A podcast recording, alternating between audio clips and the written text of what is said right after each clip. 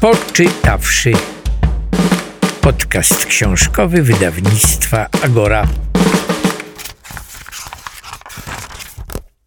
Dzień dobry, Marta Korycka, Gazeta.pl. Moimi gośćmi są Wojciech Fusek i Jerzy Poremski, autorzy książki Kurczab, Szpej, Szpada i Tajemnice. Niezwykłe życie Janusza Kurczaba. Dzień dobry. Dzień dobry.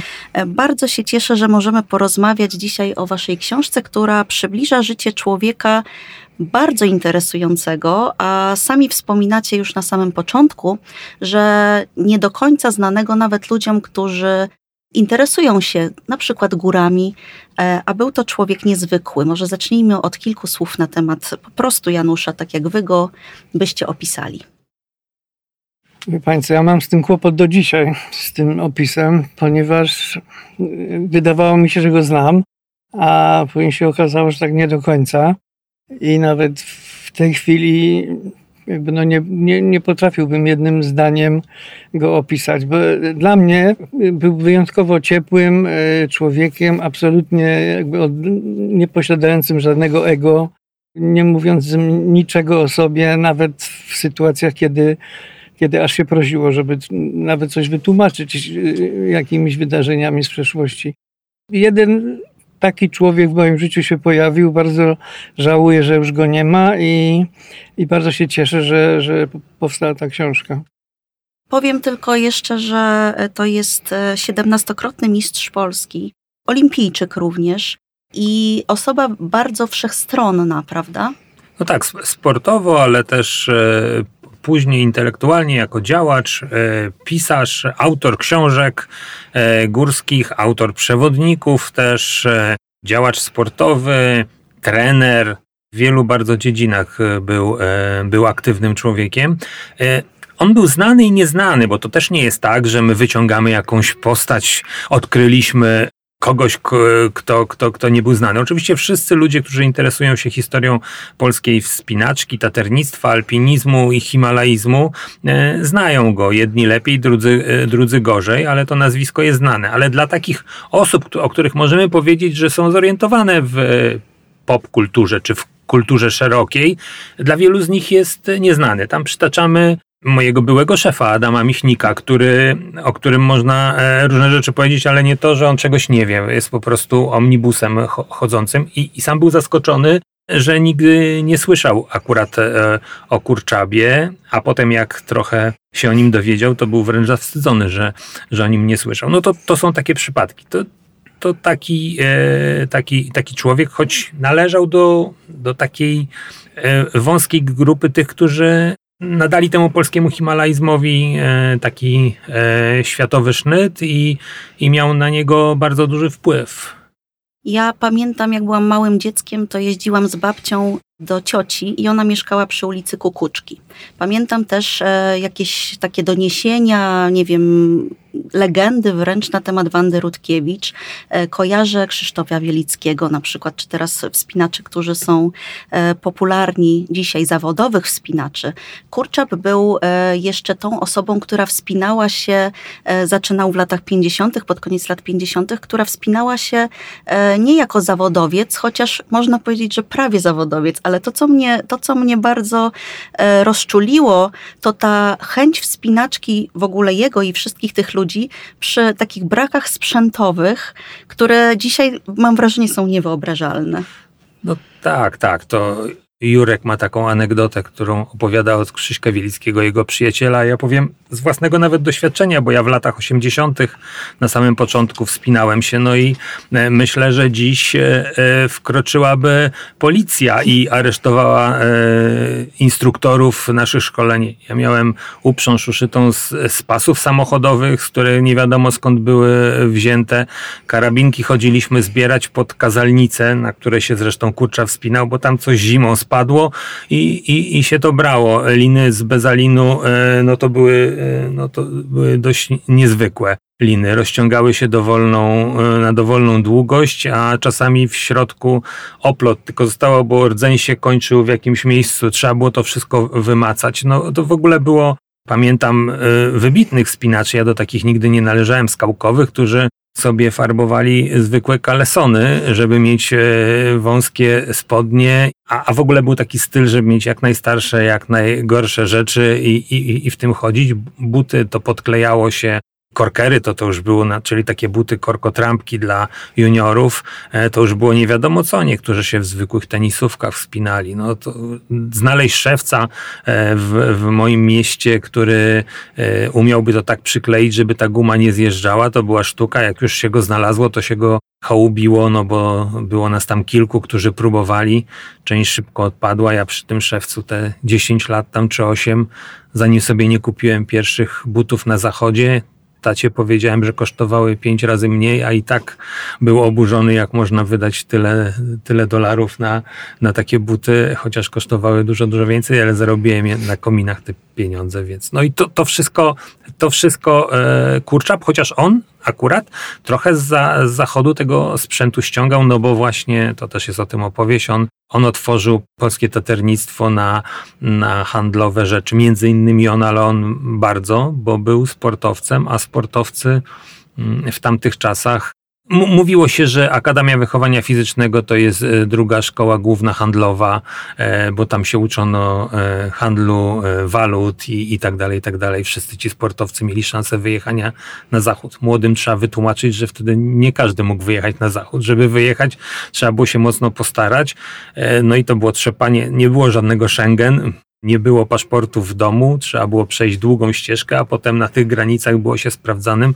Sportowcom było łatwiej, wieźli sprzęt, y, plecaki, torby, no i jakoś byli tam obyci, mieli znajomych na zachodzie, no i w ten sposób jakoś zarabiali. To, to im się udawało. Zresztą namawiałem Radka Leniarskiego z Gazety Wyborczej, żeby kiedyś napisał tekst o, o wpływie na wyniki sportowe tego całego handlu, bo wydaje mi się, że byłyby wyższe, gdyby ci sportowcy w przerwach między zawodami nie myśleli o tym, gdzie upłynnić te kryształy albo, albo aparaty fotograficzne. Oni byli podwójnie zestresowani występem oraz tym, żeby te pieniądze jakoś przewieźć. No tam jest trochę takich historii, gdzie tracili. Opowiadamy takie, tak, takie przy okazji historyjki o tym, jak tracili te pieniądze. No to były w ogóle czasy niewo, niewyobrażalne. E, tak przez moment nam groziło, że może to w jakiejś w nowej formie wrócić, ale mamy nadzieję, że nie. Takie powiedzenie wtedy było, że w związku z tym, że wszyscy mieli jakieś problemy ze sprzętem i zawsze czegoś brakowało, to e, powiedzenie było takie, że słuchaj, jak będziesz już miał wszystko, to wtedy przestaniesz się wspinać. I, i w, zasadzie, w zasadzie tak to się stało. No właśnie, bo e, z szermierką i ze wspinaczką były związane też te e, handle, które odchodziły tam. Pojawia się, tutaj wrócę do kariery sportowej e, naszego głównego bohatera, sporo e, pojęć, e, które dla laika może nie są znane. I ja muszę Wam podziękować przede wszystkim, dlatego że ja czytając tę książkę miałam takie zaraz, a co to jest? I zanim zdążyłam to sobie w myślach powiedzieć, to Wy w następnym akapicie tłumaczycie o co chodzi, więc to bardzo ułatwiało lekturę. I... To trochę zasługa redaktora naszej książki, bo czasami my już przemykaliśmy nad czymś, ale potem po redakcji musieliśmy uzupełniać, bo, bo pytał nas. I taki życzliwy stosunek do czytelnika oczywiście. Ale chciałam Was też zapytać o to, jak się w ogóle nad tą książką pracowało? Skąd ten pomysł? Bo Wy znaliście e, Kurczaba, mieliście to, to szczęście, że go poznaliście. Mieliście też dostęp do niezwykle bogatego archiwum, e, które on przez wiele, wiele lat zgromadził. Kiedy pomyśleliście sobie, to jest ten moment, że chcemy o nim napisać? To pomyślał Jurek. To jest e, tylko i wyłącznie e, jego zasługa i zaraz powie, jak, e, jak na to wpadł i opowie. Ja tylko powiem, że ja go znałem e, gorzej niż, e, niż Jurek, ale oczywiście też znałem, bo już jak go poznałem, redagowałem jego książkę Polskie Himalaje i od tamtej pory jeszcze jako dziennikarz dzwoniłem do niego, żeby różne rzeczy uzgodnić. Czasami się spotykaliśmy na jakichś środowiskowych imprezach. Ze dwa razy czy trzy pojechałem do niego, żeby mi coś tam sprawdził na zdjęciach, ale on go tak dobrze nie znam. Ale to znanie to wcale nie jest, to jest jest i zaleta, i wada przy pisaniu biografii. Dlatego, że mm, no, taka znajomość, e, to o czym, od czego zaczął Jurek, e, poznał go, a, a potem tak naprawdę trzeba się było przełamywać i trochę e, dystansować do, do tego bohatera, bo akurat znaliśmy go jako bardzo fajnego człowieka, no ale my wszyscy jesteśmy wielowymiarowi. Nikt z nas nie jest e, taki wspaniały i święty. I teraz e, coś tu wypływa. I, I, jak człowiek ma dużą sympatię do swojego bohatera, to próbuje czasami tłumaczyć różne rzeczy. To też wpływało na naszą książkę. E, próbowaliśmy, tak powiem, nawet nie dystansować się do tego, tylko trochę zmienić tą opowieść, nie, nie dawać odpowiedzi, a stawiać tylko pytania. E, I ona w ten sposób e, ewoluowała, bo zaczęliśmy od, od tego, że chcieliśmy zbudować w pewien sposób pomnik fajnego człowieka, znaczy pomnik, no opowieść o fajnym człowieku, a potem, e, a potem gdzieś nam wyszło, że tu jest dużo więcej fajnych pytań, że to jest taki człowiek, oczywiście jakby nie był tak e, różnorodny i tak, e, tak fascynujący, no to, to by się nie dało tych wszystkich pytań postawić o różne tam ciemniejsze rzeczy, o to, że, że ile w, w ogóle w życiu człowieka zależy od szczęścia, co to jest odwaga cywilna, a co jest taka odwaga w górach. One się bardzo różnią i Jano też tu był bardzo różny w tych, w tych odwagach i cywilnych, i niecywilnych. No, to wszystko. No ale to teraz może Jurek powie, jak na to wpadł. Szczerze mówiąc, to już nie bardzo pamiętam. No chyba pierwszy taki moment to był, jak jeszcze się nie zajmowałem, że tak powiem, książkami, tylko filmami dokumentalnymi. I z moim partnerem wtedy e, zawodowym pojechaliśmy do Kurczaba, żeby jakby rozpocząć e, rozmowy z Kurczabem przy kamerze, które by gdzieś w efekcie miały stworzyć film dokumentalny. I pojechaliśmy tam po raz pierwszy. Jano się oczywiście zgodził i opowiadał nam wtedy, jak przemycał e, cały plecak, teraz nie pamiętam czy rupi, ale chyba rupi indyjskich, które gdzieś tam jechał z Indii do Afganistanu, zmieniał kantory, jakieś waluty, obliczał i, i po prostu z tym plecakiem pieniędzy gdzieś przez te granice jeździł. Niestety to nagranie zaginęło i nie, jakby nie mogliśmy go wykorzystać. Taka ostateczna decyzja zapadła w momencie, kiedy pojechaliśmy po jakieś książki, no i się okazało, że tam są nie tylko książki, ale są też listy, wiele różnych dokumentów i jakby no w tym momencie to sprawa była jasna, prawda, że mając taki, taką dokumentację zrobioną, no to trzeba się za to zabrać. Trwało to troszkę, bo w połowie może praca została przerwana i powstała książka o Goprze, ponieważ zbliżała się rocznica Gopru. No i po wydaniu tego Gopru wróciliśmy do Kurczaba i jest. No. Co Was najbardziej zaskoczyło albo co było największą trudnością? No bo Ty wspomniałeś, że chyba to odkrywanie rzeczy, które no, nie wszystkie były dobre. Czy to było to właśnie, czy coś innego? O jego seksualności e, to wszyscy wiedzieliśmy, to, to nie była e, tajemnica. Sprawa jego jakiejś tam współpracy ze służbami PRL-u, współpraca to może za dużo powiedziane, ale jakichś kontaktów bardziej, też się spodziewaliśmy, e, że coś musi być, no bo sportowcy w tamtych czasach, a jeszcze jeżdżące tak jak ja, no bo trzeba sobie powiedzieć, że jeżeli sobie wyobrazimy szary PRL i niemożność wyjechania albo wyjechanie raz na kilka lat na zachód albo do krajów socjalistycznych, a Jano wyjeżdża 5-7 razy do roku, 10 razy do roku w, w, różne miejsca, raz w góry, raz do Rzymu, e, raz do Budapesztu, Sztokholm i, i co chwilę krąży, no to też e, wiadomym jest, że i to powoduje, że muszą być spotkania. Niewiele znaleźliśmy e, na ten temat, poza jakimiś tam drobnymi rzeczami, bo prawdopodobnie on po prostu był w sumie uczciwym człowiekiem, ale też nie jakimś tam heroicznie odważnym, więc z nimi prowadził rozmowy, coś tam ujawnił, coś powiedział. Tak nam profesor Paczkowski zresztą powiedział, że stąd się zorientował, że służba bezpieczeństwa coś wiedziała i to Jano tylko mógł wiedzieć trochę w tym życiu prywatnym jest tam takich, e, takich kwestii, które, które nas zaskoczyły. Nie są jakieś głębokie, no ale całe życie przeżył w jednym mieszkaniu ze swoją mamą. To, to dość szokujące, w jednym pokoju. Często go nie było, no ale to, e, to dość dziwne. Jego znajomość, jego bycie w świecie artystycznym przez jakiś czas, jakieś tam kłopoty przez moment z alkoholem, z jakby z sobą samym, e, bardzo szybko zresztą to pokonał. To były takie rzeczy, ale Najtrudniej to było, mając taką bazę i rozmawiając chyba z 70 albo więcej osobami, które w większości poza jedną osobą, która nam w ogóle odmówiła, e, mieszkała w Stanach, więc nie mieliśmy innych szans jak kontakt na odległość, kategorycznie powiedziała nie. E, wszyscy inni mówili dużo, no i to było takie pytanie o, o, o intymność, tak? Gdzie my, jak daleko możemy pójść w tej, e, w tej opowieści? Ale też dużo Są- ludzi y, jakby chciało nam, nas o tym poinformować i od tego zaczynała rozmowę. Nie czy my No. wiemy, że. No, że coś tam, tak? No Mm. bo to nie, nie chodziło tylko o, o właśnie o, o, o seksualność Jano.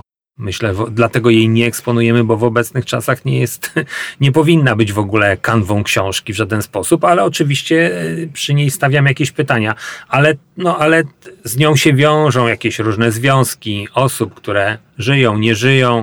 Na te pytania czasami trudno jest same odpowiedzieć. Nie, nie wiem, gdzie mogliśmy pójść kawałek dalej, żeby książka była bardziej atrakcyjna, bo brutalnie mówiąc, e, no, to trochę tak jest, prawda? Autor z jednej strony chce pokazać fajnie postać, ale też chce, żeby ta książka e, coś, coś pokazywała. A gdzie poszliśmy za daleko, a gdzie za, za mało, gdzie można było jeszcze krok zrobić. To było chyba najtrudniejsze, bo to jeszcze myślenie to jedno, potem to trzeba przełożyć na strukturę książki, na to, jak się ją pisze. To, to nie jest takie proste, bo to nie jest tylko tak, dobra, tu zrobię dwa kroki dalej, bo coś się układa w jakąś opowieść i w pewnym momencie mówimy stop, prawda? Już dalej, dalej nie możemy. Albo budujemy postać tak, żeby była prawdziwa, ale nie można jej było namierzyć, bo jeszcze żyje. Tutaj tak, takie rzeczy e, były trudne. Poza tym, że oczywiście napisanie e, tam 500-600 stron to też jest trudne zawsze i, i, i wymaga to jednak o, ogromnego wysiłku. Ile jest w tym wszystkim notatek, dokumentów, a ile troszeczkę takiej fikcji? No bo domyślam się, że jak piszecie tę książkę, to ubarwiacie troszeczkę tę opowieść, żeby ona płynęła. To znaczy tam się pojawiają jakieś myśli e, bohatera, e, no, które być może wyczytaliście w jego notatkach, ale czy tutaj też sobie pozwoliliście troszeczkę na fabularyzację? Tak, znaczy przeczytaliśmy e, około 70 wywiadów z nim. Mam, mam wrażenie, że e, prawie wszystkie. Sam i zebraliśmy część, a część była, bo on e, robił dużo notatek i miał dużo, dużo wycinków. Mama zbierała to wszystko. To wszystko przeczytaliśmy najpierw, żeby jakby zrozumieć, wy, wynotować sobie. Potem były opowieści innych, ale chcieliśmy bardziej, w którymś momencie podjęliśmy decyzję, że to nie jest bardziej biografia, a bardziej opowieść o Jano, bo przez tą opowieść chcemy pokazać trochę tamto środowisko. Chcemy sobie właśnie odpowiedzieć na różne pytania o, o przypadek w życiu, o odwagę, o to, czy taki człowiek jak on nie powinien jednak e, pójść krok dalej w, e, w tym ujawnianiu siebie, wychodzeniu z, z szafy, bo, bo kto jak nie on, kto jak nie taki człowiek, e, który łamie absolutnie st- stereotyp w tamtych czasach, szczególnie geja, prawda? Silny, mocny, ale też odważny. No w ogóle wszystko, co. że ci przerwę, ale tam macie taki fragment, gdzie jest ym, dosłownie wy, wycinek z wywiadu i on się niezbyt y, fajnie wypowiada na temat y, społeczności LGBT. No to wtedy jeszcze się pewnie nie używało. Nie używało się tego. Tak, oczywiście, tak. To jest wywiad e, e, e, pana pisarka, takiego człowieka, wydawcy, który wydaje masę książek górskich i on zrobił z nim wywiad do, do takiej książki, którą sam wydał i dołożył tam dwie rozmowy z dwoma e, polskimi e, wspinaczami. Chwała mu za to, że wziął Jano, a nie, a nie poszedł taką prostą drogą, że tam Krzysiek Wielicki albo albo ktoś inny. No i tak, tak, to jest dość, e, to jest dość wstrząsający wywiad. No zresztą Jano, tak jak tam gdzieś piszemy, właściwie tylko raz wyraził się politycznie, kiedy zamieścił na swoim Facebooku, który oglądaliśmy już po jego śmierci. Wcześniej też byliśmy zaproszeni, ale znalazłem tam tylko jedną notatkę przeciwko jakimś tam faszystowskim, e, chyba 11, 11 listopada, prawda? I, I to jest jedyna taka twarda, mocna deklaracja. On jednak był ba, ba, bardzo, bardzo wycofany. Jakbym z, nim robili wywiad, to moglibyśmy zadać twarde pytania i go dociskać. Tu już tego nie ma. No jednak ci, którzy robili z nim wywiady, mogli, nie mogli, nie wiemy jak to było. Poza tym jednym takim e, właśnie dobrym wywiadem. E, wszystkie inne są bardziej o sporcie. Tam jest w górach jeszcze jest taki jeden duży wywiad, w którym on dużo mówi, więc postanowiliśmy zrobić opowieść. No i tam jest, e, żeby to się czytało, to też e, wróciłem do książek Długosza, e, żebyśmy mogli mieć trochę taki styl tej bujdałki e, taternickiej. Chcieliśmy nie prosta biografia, żeby tam fakty, fakty, fakty i dochodzimy do końca, tylko żeby była opowieść. Zresztą tak myślę, nie wiem czy Jurek się ze mną zgodzi, ale tam mamy takie miejsca, z których ja nie jestem zadowolony, bo, bo już czuć, że tam brakło, brakło czasu, brakło siły na to, żeby to troszkę bardziej w opowieść A to tak zamienić. jest i to dotyczy właśnie autora. I, i, i później, i później e, tam pod koniec tego jego życia tam trochę za, są, są fakty, prawda? Jest taka opowieść z, e, z prezydentury, e, jak tam u Kwaśniewskiego nagrody dają i on ku naszemu zaskoczeniu niczego tam nie dostał i stał zupełnie z boku, ale tak to tam nie umieliśmy już znaleźć, że tak powiem, przestrzeni na opowieść. Myślę, że to trochę skromność e, jednak przemawia. Może jeszcze razem. jedną e, rzecz dodam, bo to e, pierwszy raz nam się coś takiego przydarzyło. E, mianowicie Bo to dotyczy, nasza czwarta książka. ja jeszcze maczałem palce w biografii Maćka Berbeki i zawsze byliśmy cenzurowani przez rodzinę, przez znajomych. I w końcu jak przyszedł temat Kurczaba, to mówimy, no to rewelacja, hulaj dusza bez kontusza, nikt nam tutaj niczego nie zabroni, nie będzie dyktował i, i w efekcie pojawiła się autocenzura, więc sami zaczęliśmy cenzurować te, te fakty, zdarzenia różne, żeby po prostu nie przesadzić. A skąd pomysł na to, żeby tę książkę przeplatać e, takimi opowieściami o jego ostatnich chwilach? Bo to na mnie też zrobiło duże wrażenie, że, e, że ona jest z jednej strony opowieścią o życiu, ale z drugiej strony co chwilę wracamy do tych jego ostatnich momentów, do, do momentów choroby, rozmów z lekarzem. Dużo z tego, co wiemy o Jano, e, wiedzieliśmy od, od jego lekarza, z którym Mhm. długo rozmawialiśmy. Jurek nawet był więcej razy ni- niż ja. I on e, dużo nam o tych chwilach opowiedział, ale też uznaliśmy, że to jakoś pokazuje jego, brutalnie mówiąc, ten, to zakończenie poza jednym kuzynem Robertem, no on był t- trochę, trochę samotny, prawda? I, i, i jakby tej pomocy nie było. No, no, umierał tak e, dość wstrząsające. Później odznaczenie dopiero po śmierci i to wszystko jakoś tak teraz wszyscy mówią fajnie, że jest książka o Kurczabie, nareszcie Jano, ale, e, ale no był, tam, był tam trochę sam w tym, w tym szpitalu. E, No a trochę też uznaliśmy, że to jakby w niektóre rzeczy można właśnie tam w taki sposób obudować i, i jakby pokazać go trochę od środka, tak, żeby nie było tylko reflektora z zewnątrz, ale żeby on był, e, on był od środka. No, trochę jakichś jego pojedynczych zdań, notatek, zebranych e, badań, które trzymał, e, które nam pozwoliły jakby te jego choroby e, rozgryźć na tyle, na ile się dało. No i trochę takie nasze wyobrażenie, no jak to tam, Wiecie, tam było. Dla mnie też e, to jest e, bardzo ciekawe, bo ja to odczytałam w ten sposób, że sami o tym piszecie, że on jest troszeczkę może niedoceniany, nie, niewidziany przez niektórych, dlatego że on nie zginął w górach.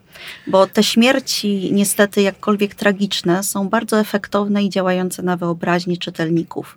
E, I wtedy te książki, e, te postacie, no, tworzy się legenda.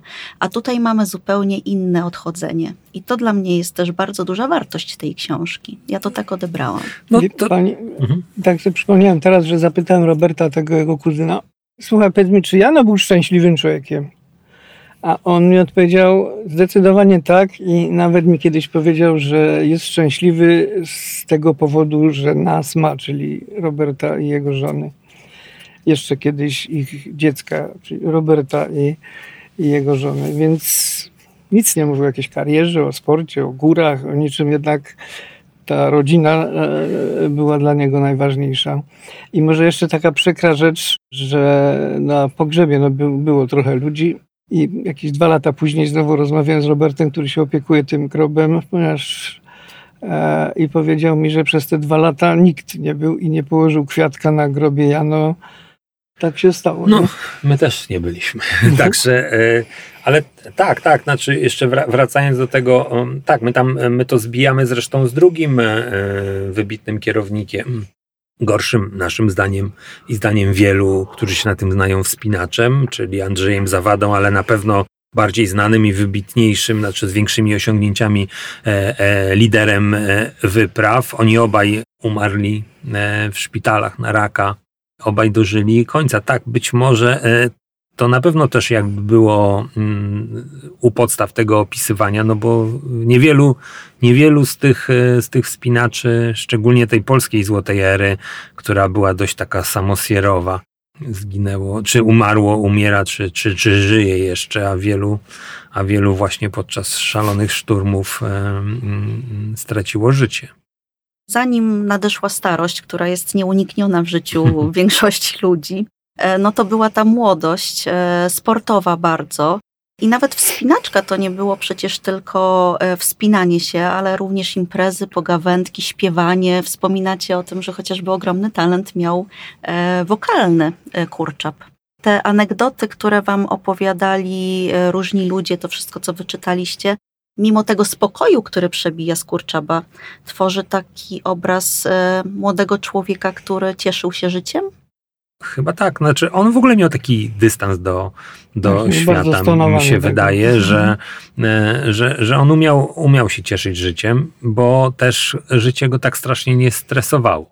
Nie był nigdy napięty, czyli na pewno gdzieś tam głęboko przeżywał różne porażki i niedocenienia, których miał w życiu bardzo dużo. No, ale nie był ale, roszczeniowy. To jest ale roszczeniowy nie był w ogóle i, e, i jakby znajdował tą przyjemność w tym, co Boguś Słama tam powiedział, prawda, że on tu chciał, przykręcił się e, lodową śrubą do ściany, żeby choć przymknąć oczy na chwilę, a nie mógł spać, bo Jano walił, że tak powiem, tu delikatniej czekanem, bo wybijał e, półeczkę, żeby się mogli kawy napić w, w pionowej ścianie i, i za chwilę był wschód słońca i, i, i tyle. Czy ta opowieść o klawej wierze, no to wierzę. Tak, on, on, on po prostu chyba umiał smakować e, życie długi czas, choć jeśli jakieś zgorzknienie się wdarło, chociaż nie wiem tego osobiście, bo jak się z nim spotykałem, tego nigdy nie widziałem, ale tak mi się wydaje, jak się już wgłębiliśmy w tą postać, to, to pod koniec życia, kiedy tych pieniędzy już nie było, kiedy z trudem wiązał koniec z końcem, walczył tam tu 100 zł, napisał tam coś, te książki nie szły, wydawali te same przewodniki jego jeszcze raz, mamy masę jego projektów, z pięć czy sześć e, pisanych dla zagranicznych e, wydawnictw, dla Polski, które się nigdy nie ukazały, a on się tam bardzo starał, próbował coś z tym zrobić. No, także był taki moment, kiedy był królem życia niemalże jak Komeda, e, Wdowiak i, i, i kilku innych gwiazdorów. E, e, a kończył, a kończył jak, jak, jak kończył. No. To powiedzmy jeszcze słowo o boginkach Kurczaba, bo to też jest dosyć istotny e, element w jego życiu. Wanda Rutkiewicz rozumiem, że do nich nie do końca należała, bo to był inny nie, nie, związek, Boże. prawda? Mhm. Na pewno Wanda była nim zauroczona. Czy to skończyło się czymś więcej? Tego do końca nie wiemy Choć i tego nikt nie wie. Są tacy, którzy twierdzą, że z całą pewnością. Tak, jest znaczy, tam taka anegdota nawet, której no tak. teraz nie zdradzimy, muszą Państwo zajrzeć do książki. Te listy, które ona pisała do niego, na pewno świadczą o, o, o momencie wielkiej fascynacji. Przy czym, tak jak powiedział Leszek Cichy, Wanda miała to do siebie, że fascynowała się kolejnymi gwiazdami i potem a potem już nie potrzebowała tych gwiazd, bo została sama gwiazdą i, i, i wtedy jakby zmieniła to podejście. Ale ona oczywiście do tych boginek nie należała. My ten temat boginek żeśmy tak nie do końca zeksplorowali, bo bo już e, nie było czasu, żeby ustalić, ile ich tam było. Większość tych kartek, bo one mniej pisały listów, a takie kartki, gdzie tam malowały mu serduszka no, był e, różne inne rzeczy. w Polsce. E, no to już wiesz, kwestia gustu. E, ale, ale no, nie, nie często podpisywały się tylko pseudonimami. Znamy tam dwie czy trzy. O jednej się dowiedzieliśmy już, e, że tak powiem, e, namierzyliśmy, ustaliliśmy już po, po wydaniu książki, ale bardziej nam chodziło o to, żeby pokazać, że no, to zresztą jest taka relacja. E, mam przyjaciół gejów bliskich i oni mają w koło masę koleżanek. Po prostu kobiety czują się bezpieczniej, pewniej. Nie mam, nie mam zielonego pojęcia dlaczego, ale, ale tak było też e, e, w wypadku Jano. Był absolutnie otoczony wianuszkiem. Zresztą ten podziw e, i, i taki kult to z, z, różnych stron, no bo przecież Walek Nędza sam mówił, że jak go kiedyś zobaczył razem z Heinrichem, to się ledwo powstrzymał, żeby nie klęknąć, prawda, w drodze do Morskiego Oka. No bo był taki moment, kiedy Jano po prostu był, był wszystkim, bo do tego jeszcze trzeba powiedzieć, że nie dość, że olimpijczyk, czyli on w ogóle z innej trochę bajki. No, on był pisano o nim w gazetach. O górach wtedy mniej się pisało, a, a, a szpadziści, bokserzy, co byli, to byli półbogowie, e, a jeszcze masa aktorów e, znajomych, e, których on, on znał, których zapraszał, z którymi się spotykał, bo on też w tym środowisku trochę się obracał, więc no, no to był król życia wtedy przez moment to jeszcze na koniec naszej rozmowy e, postawiłabym takie słowo nauczyciel, bo to też był e, bardzo ważny chyba element jego życia i wielu wspinaczy e, jemu zawdzięcza to, że osiągali potem takie sukcesy. On się trochę od tego dystansował mhm. w różnych wywiadach. To znaczy mówił, no tak, no ja tam kukuczka był, szkoliłem, ale to ten, ale skromnie podchodził tak, do tego. skromnie, ale ale chyba nie, dlatego że on był, on prowadził też zajęcia na przykład na, na Akademii Medycznej. E, on przez lata był instruktorem w, w klubie wysokogórskim w Warszawie. E, no, ileś osób przez niego przeszło. I, i mogę tylko tyle powiedzieć, że jak go znam, to musiał być niezłym, e, fajnym instruktorem, bardzo, bardzo takim uważnym, odpowiedzialnym, no on sam też przeżył między innymi dlatego, że był człowiekiem przygotowanym do tego wspinania. Znaczy on nie miał w sobie, to może też dlatego nie był aż tak sławny, bo nie miał tego szaleństwa w sobie. On tam niewiele ma takich e, wydarzeń, gdzie e, uratował się jakimś cudem, prawda? Bo to no, zdarzały się, bo to przy wspinaniu zawsze jest, ale niewiele jest takich momentów, gdzie on szarżował. E, a jeżeli szedł gdzieś w góry, to miał to wszystko przygotowane, opisane. Dzięki temu też prowadził nowe drogi, bo, bo miał do tego nosa, ale i też wiedzę znajdował w tych Tatrach, które właściwie już są zaćkane tymi drogami i tam ludzie wykonują różne cuda, żeby, żeby przejść do historii i poprowadzić po jakichś rzęchach jakieś dróżki, po których nikt już nie będzie chodził, a on znajdował wtedy i później ba, bardzo takie honorne przejścia, e, ale to był przygotowany. Więc on myślę, że był dobrym, e, dobrym instruktorem, Choć gdybyśmy to pytanie dostali e, przed napisaniem książki, to byśmy trochę bardziej to zgłębili, bo jakby to nam gdzieś to przepłynęło. To nie był jakiś wiodący. No poza tym, e, poza tą e, uroczą całą historią związaną z, z tym, że on studia w końcu skończył, prawda? Bo on, on jeszcze był wiecznym studentem. Pisał książki, ale był tak naprawdę ściślakiem i to w liceum zapowiadał się na, na bardzo dobrego, no ale później chyba góry, szabla i życie e, towarzyskie go pochłonęło i odpadał z kolejnych wydziałów Politechniki, Uniwersytetu, fizyka, matematyka, MEL, e, ISIF e, i, i, jakieś tam jeszcze inne kierunki. No studiował tego strasznie dużo, ale nigdy daleko nie zaszedł. Nigdy. Mogę Pani jeszcze na koniec opowiedzieć anegdotę, czy już bardzo się nie proszę, zmieścimy? Bardzo chętnie. Do książki się nie zmieściła, ale Poszliśmy z Wojtkiem i z Jano na górę zborów, y, żeby przynajmniej jedną górę wspólnie z Jano e, zaliczyć. Góra zborów to jest taka pagórek zalesiony i, i takie dla żartu raczej. No i wracając stamtąd, Jano zawsze nosił aparat fotograficzny. Wtedy to był taki kompakt z wystającym, wysuwającym się zoomem i ten aparat mu spadł i uderzył w jakiś kamień i zdech po prostu. Martwy był kompletnie, ten zoom był wysunięty, nie chciał się złożyć i w ogóle nie reagował na nic. Ja mówię, ja, no, ja jestem takim, wiesz, mam dar po prostu uzdrawiania, więc potrzymaj go tak na dłoniach, ten aparat, więc y, go trzymał. Wojtek stał obok, ja swoje dłonie dałem, jak to człowiek leczący nad aparat i tam wymawiałem jakieś zaklęcia i w tym momencie Zoom się wsunął, aparat ożył i, i, wrócił na służbę do Jana. No, zdjęcia też były kolejnym elementem jego życia bardzo istotnym. A a propos takich przedmiotów też, e, które w jego życiu były ważne, to nie tylko aparat, o jednym z nich wspominają panowie we fragmencie książki, który na koniec, na koniec będziemy mogli usłyszeć. To jest fragment audiobooka Czyta go Kamil Pruban i to jest opowieść o e, pierwszym takim wyjeździe na wczasy e, do Zakopanego. Bardzo panom dziękuję za rozmowę. E, Wojciech Fusek, Jerzy Poremski, książka Kurczab, Szpej, Szpada i tajemnice niezwykłe życie Janusza Kurczaba. Dziękuję panom bardzo. Dziękuję bardzo, gratuluję dykcji. Bardzo dziękuję i zapraszam Państwa do wysłuchania fragmentu książki. Dziękuję. Dziękuję. Poczytawszy Podcast książkowy wydawnictwa Agora. Był rok przed maturą, gdy pojechał do Zakopanego. Na kolonie okazał się za stary, w gronie wczasowiczów był natomiast najmłodszy. Nikt nie zwracał na to uwagi. Wpisano go na listę wyprawową na Kościelec i Czerwone Wierchy oraz na podniebny szlak Orlej Perci. Ochotnicy w Czasowicze mieli przejść odcinek od Grantów do Zawratu. Janusz wyrobił sobie już rok wcześniej legitymację PTTK, dostał więc znaczne zniżki przy i tak niewysokich opłatach za wynajęcie przewodnika. Stawił się rano z chlebakiem, wypchanym bochenkiem i plasterkami żółtego sera. Gromadził je przez kilka dni podczas śniadań i jako szturm prowiant zawinął w gazetę. Wtedy jeszcze nie było automatów z batonami i napojami, budek z zapiekankami, a czekolada była rarytasem. Na regionalne frykasy nie chciał tracić skromnego kieszonkowego, jakie z zaskórniaków wysupłała mama, a uczciwie mówiąc, znaczną większość wydał, kupując kosztowną pamiątkę. Na wyprawę założył buty na grubej podeszwie i odziedziczoną po ojcu ciut za dużą kurtkę z kapturem.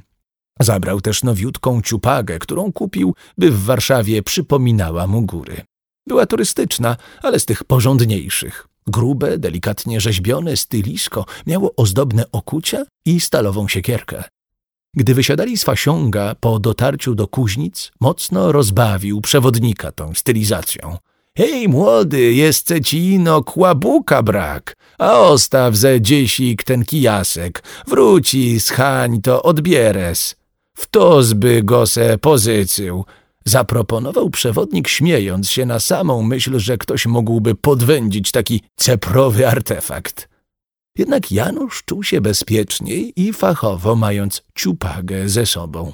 Na reprodukcjach starych rycin obrazujących wspinaczkę, które oglądał od kiedy zakochał się w górach, widział, że alpiniści dzierżyli kije i czekany.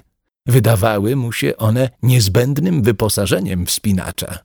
Fakt, że ani przewodnik, ani reszta grupy ciupak ani kijów nie miała, pompował jego dumę z powodu mniemanego profesjonalizmu. Na refleksję, że może to oni mają rację, nie było już miejsca. Przez większą część drogi, wszędzie, gdzie było potrzebne wsparcie rąk, chłopak miał tylko jedną. W drugiej dzierżył bowiem zakupiony sprzęt. Dodatkowo co rusz chlebak zjeżdżał do przodu i obijał kolana. Tak poznał przewagę plecaka. Najładniejszy, z delikatnym zewnętrznym stelażem z drutu i rzemieni oraz skórzanymi szelkami z podkładem z grubego filcu miał przewodnik, ale pozostali turyści również nieśli wszystko w workach na plecach. Tylko kondycji, sprawności i zaciętości Janusz zawdzięczał to, że nie odstawał, nie spowalniał wycieczki. Sytuacja się odmieniła, gdy grupa trafiła na dużą połać zmrożonego, twardego śniegu. Butami nie dało się wybić porządnych stopni, więc przewodnik pożyczył kijasek i, jak sam mówił, ciupał cierpliwie platforemki, by wszyscy przeszli bezpiecznie i nie zjechali po śniegu, ryzykując przemielenie w kamieniach na dole. Janusz odebrał pierwszą praktyczną lekcję górskich zasad. Zapamiętał, by sprzęt dopasować do warunków. Poznał przewagę plecaka, a poza tym dowiedział się, że góry potrafią zaskoczyć każdego, nawet górskiego przewodnika. W rękach kilku osób zobaczył przewodnik z dokładnymi opisami dróg. Zapragnął mieć taki sam. Powiedzieć, że bardzo mu się ta wycieczka spodobała, to zredukować górę emocji do lakonicznego piknie, kurwa piknie. Pierwszego stylizowanego na góralską gwarę zwrotu, który padł z ust towarzyszy wycieczki. Potem jeszcze wielokrotnie słyszał, jak to się ceprom wydaje, że gwarą mówią. Sam nie próbował, nie odcinał się od warszawskich korzeni, nigdy nie robił z siebie ani górala, ani zakopieńczyka. Poczytawszy. Podcast książkowy wydawnictwa Agora.